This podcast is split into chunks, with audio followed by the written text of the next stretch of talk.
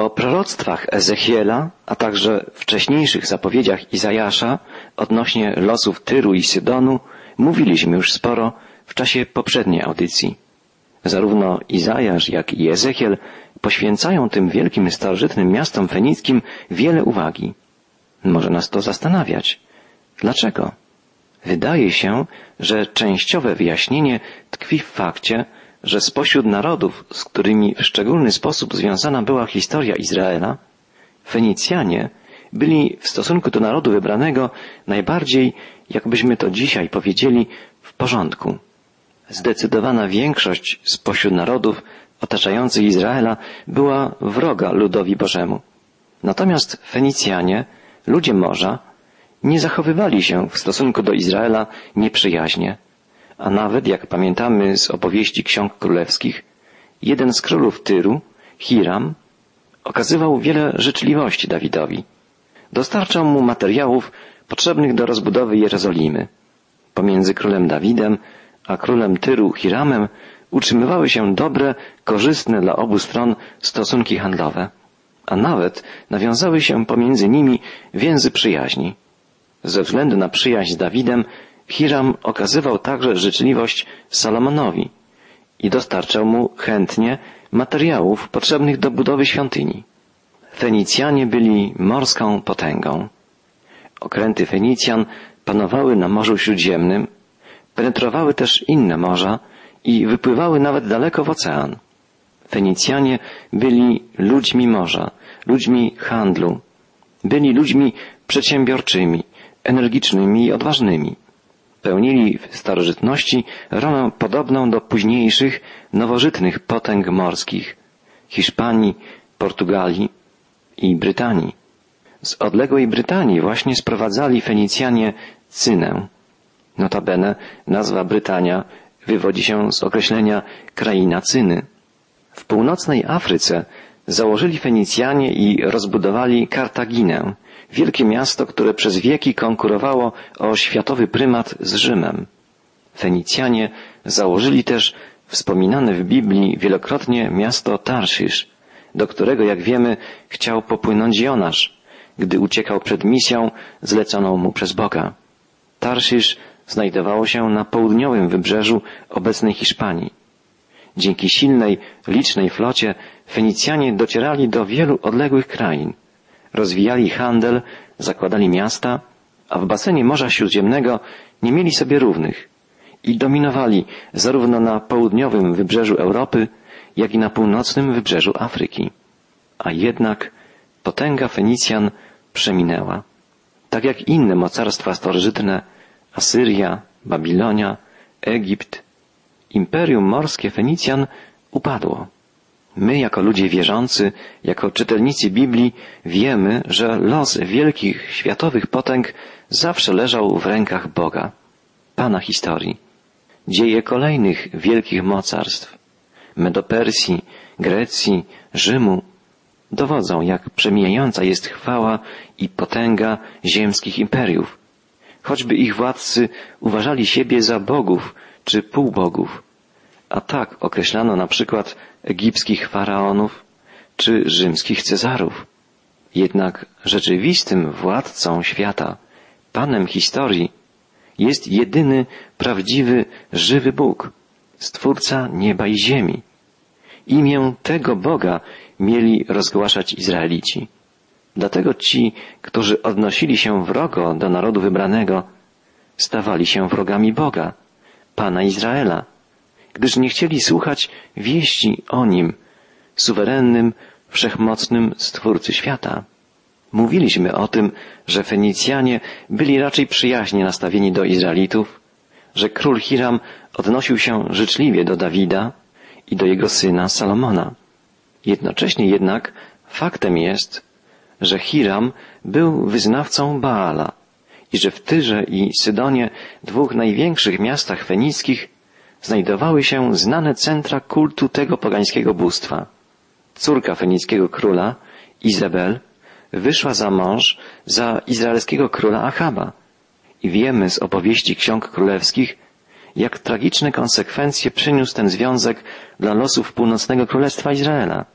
Izabel wprowadziła kult Baala w Izraelu i stał się on tak powszechny, że za dni Eliasza, Bożego proroka, o wiele więcej było w Izraelu kapłanów Baala niż sług żywego Boga, Jahwe. Eliasz był prześladowany przez Izabel i przez Achaba. I ta królewska para jest opisywana w księgach historycznych Starego Testamentu jako jedno z najgorszych, najbardziej niegodziwych małżeństw władających Izraelem. Tak więc związki Izraelitów z Fenicjanami przyniosły ostatecznie bardzo negatywne, destrukcyjne skutki. W Izraelu szerzył się kult Baala, jak i kult innych bożków pogańskich. Główną przyczyną sądu nad Tyrem, stolicą Fenicjan, było więc to, że miasto to stanowiło centrum kultu Baala, a także pycha, duma fenickich władców, uważających się za władców świata. Od początku 27 rozdziału Księgi Ezechiela czytamy Pan skierował do mnie te słowa A Ty, Synu Człowieczy, podnieś lament nad Tyrem i powiedz Tyrowi, który mieszka nad zlewami morskimi i prowadzi handel z narodami na licznych wyspach. Tak mówi Pan, Bóg. Tyże, Tyś powiedział, jestem okrętem o doskonałej piękności. Jestem okrętem o doskonałej piękności. Ezechiel porównuje Tyr do wielkiego okrętu, podobnie jak czynił to Izajasz. Fenicjanie byli morską potęgą i nic tak trafnie nie zapowiada ich upadku, jak obraz tonącego okrętu. W chwili, gdy Ezechiel wypowiadał słowa proroctwa, Fenicjanie czuli się potężni, niepokonani. Przyrównywali się do niezatapialnego okrętu o doskonałych kształtach, doskonałym pięknie. Rzeczywiście, morskie imperium Fenicjan prezentowało się imponująco. Ezechiel opisuje bogactwo, splendor Tyru. Tarszysz prowadził z tobą handel z powodu mnóstwa twoich wszystkich bogactw. Srebro, żelazo, cynę i ołów dostarczano ci drogą wymiany za twe towary. Jawan i Tubal prowadzili z tobą handel, dostarczając za twe towary niewolników i wyroby z brązu. Z Bettogarma dostarczano ci drogą wymiany za twe towary i konie pociągowe, wierzchowce i muły. Mieszkańcy Dedanu prowadzili z tobą handel i niezliczone wyspy należały do twoich klientów. Dawali ci jako zapłatę kość słoniową i drzewo hebanowe. Edom prowadził z tobą handel z powodu mnogości twoich wyrobów. Dostarczano ci kamienie szlachetne, purpurę, różnobarwne tkaniny, bisior, korale i rubiny. Prorok wymienia jeszcze dalsze kontakty, wpływy, bogactwa Tyru, podkreślając na koniec, stały się więc bogatym i wielce sławnym w sercu mórz. A jednak Ezechiel dalej stwierdza, jak czytamy w końcowej części 27 rozdziału, podnoszą nad Tobą lament, lament serdeczny i narzekają. Któż jak Tyr został zniszczony w sercu mórz? Gdy towary Twe szły poza morze, syciłeś wiele narodów. Dzięki mnogości dóbr Twoich i Twoich towarów bogaciłeś królów ziemi, a teraz zostałeś rozbity przez morskie fale i leżysz w morskiej toni. Twoje towary i wszyscy Twoi mieszkańcy zatonęli razem z Tobą. Ezechiel porównuje Tyr do tonącego okrętu. Wszystkie skarby, bogactwa, jak i mieszkańcy Tyru zostaną pochłonięci przez głębiny morskie. Ten obraz ukazuje nietrwałość, przemijalność ziemskich, materialnych skarbów, materialnego bogactwa, dostatku, przepychu. Tyr był jednym z kilku najbogatszych miast w historii ludzkości. Jego splendor i chwałę można porównać jedynie z Babilonem czy Rzymem. Znamienne, że los wszystkich tych miast opisany jest w Biblii jako przykład wielkiego upadku, upokorzenia, klęski. Tyr, Babilon czy Rzym były bowiem bogate tylko w sensie doczesnym. Ich chwała i splendor oparte były o skarby materialne, natomiast duchowo tkwiły w nędzy, stanowiły centra bałwochwalstwa i niemoralności. Dlatego ich przepych i sława były nietrwałe. Najbardziej znamiennym symbolem przemijania materialnego bogactwa i upadku ludzkiej pychy jest w Biblii przykład Babilonu, o którym tak czytamy w Księdze Apokalipsy. Biada, biada Tobie, miasto wielkie, Babilonie, miasto potężne, gdyż w jednej godzinie nastał Twój sąd i kupcy ziemi płakać będą i smucić się nad nim, bo już nikt nie kupuje od nich towaru, towaru ze złota i srebra, i drogich kamieni, i pereł, i bisioru, i purpury, jedwabiu, szkarłatu i żadnego drzewa tujowego, żadnego przedmiotu z kości słoniowej, żadnego sprzętu z najkosztowniejszego drzewa, miedzi, żelaza i marmuru, i cynamonu, korzeni, i wonności, miry, kadzidła, wina, oliwy, najprzedniejszej mąki, pszenicy, bydła i owiec, koni i wozów. I owoce, których pożądała dusza Twoja, przepadły dla Ciebie. I wszystko, co się lśni i błyszczy, zginęło dla Ciebie. I nigdy już ich nie będzie. Wszystkie te dobra materialne, które wtedy, w starożytności i dzisiaj we współczesnym świecie miały i mają tak wielką wartość w oczach ludzi. Złoto, srebro, drogocenne kamienie, pieniądze, domy, konie, samochody. Wszystko to kiedyś straci wartość, znaczenie.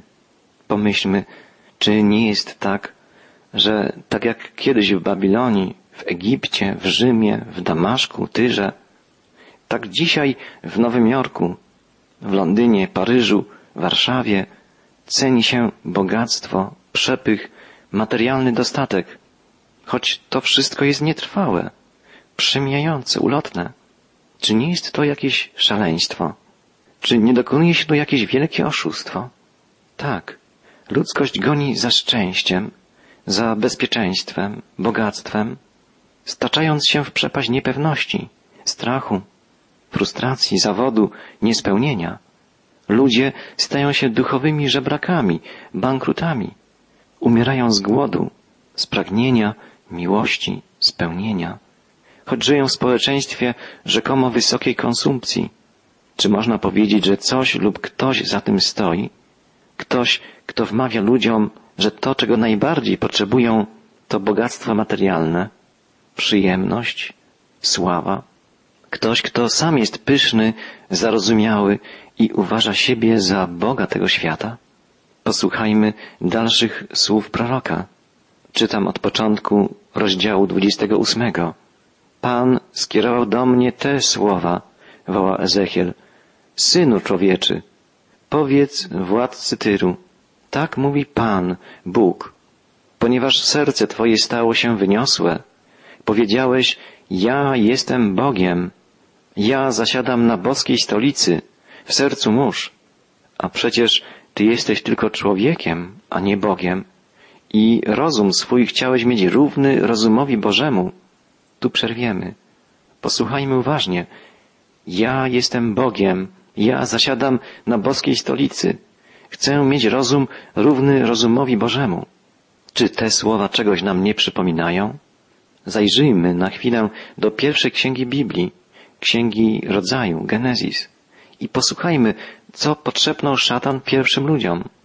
Gdy tylko zjecie z tego drzewa, otworzą się wam oczy i będziecie jak Bóg.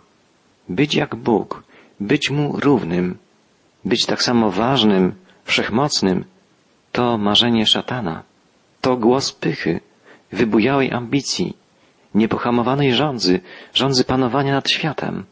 Prorok Izajasz tak pisał o szatanie. O, jakże spadłeś z nieba, ty, gwiazdo jasna, synu jutrzenki. Powalony jesteś na ziemię, pogromco narodów.